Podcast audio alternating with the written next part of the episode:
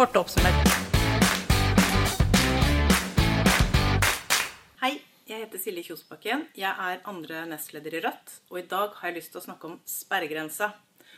Hvorfor er sperregrensa på 4% så utrolig viktig, og hvorfor snakker vi så mye om den? Jeg skal prøve. På Stortinget i dag så sitter det 169 representanter som er valgt inn fra hele landet.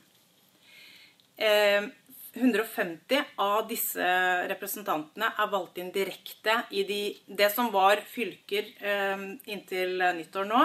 Det kalles nå eh, stortingskretser, og det er 19 av dem.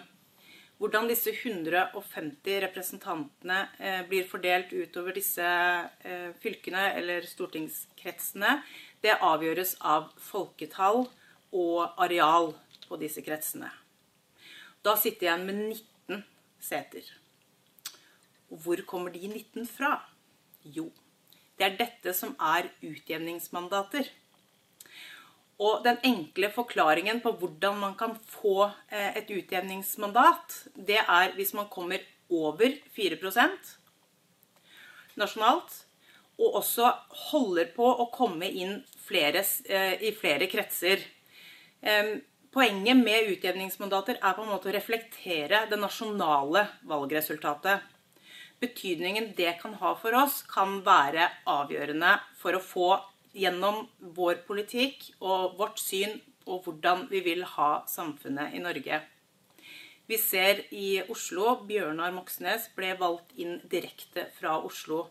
Han har allerede gitt oss eh, en god plass i eh, media og på Stortinget. Vi får vist fram veldig mye av politikken vår.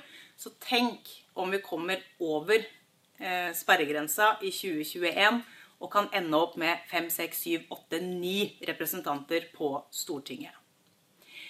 Jeg håper du stemmer på oss også i 2021. Og få med deg en venn, fortell om Rødt, så kommer vi over sperregrensa. Dette var sperregrensa, kort oppsummert.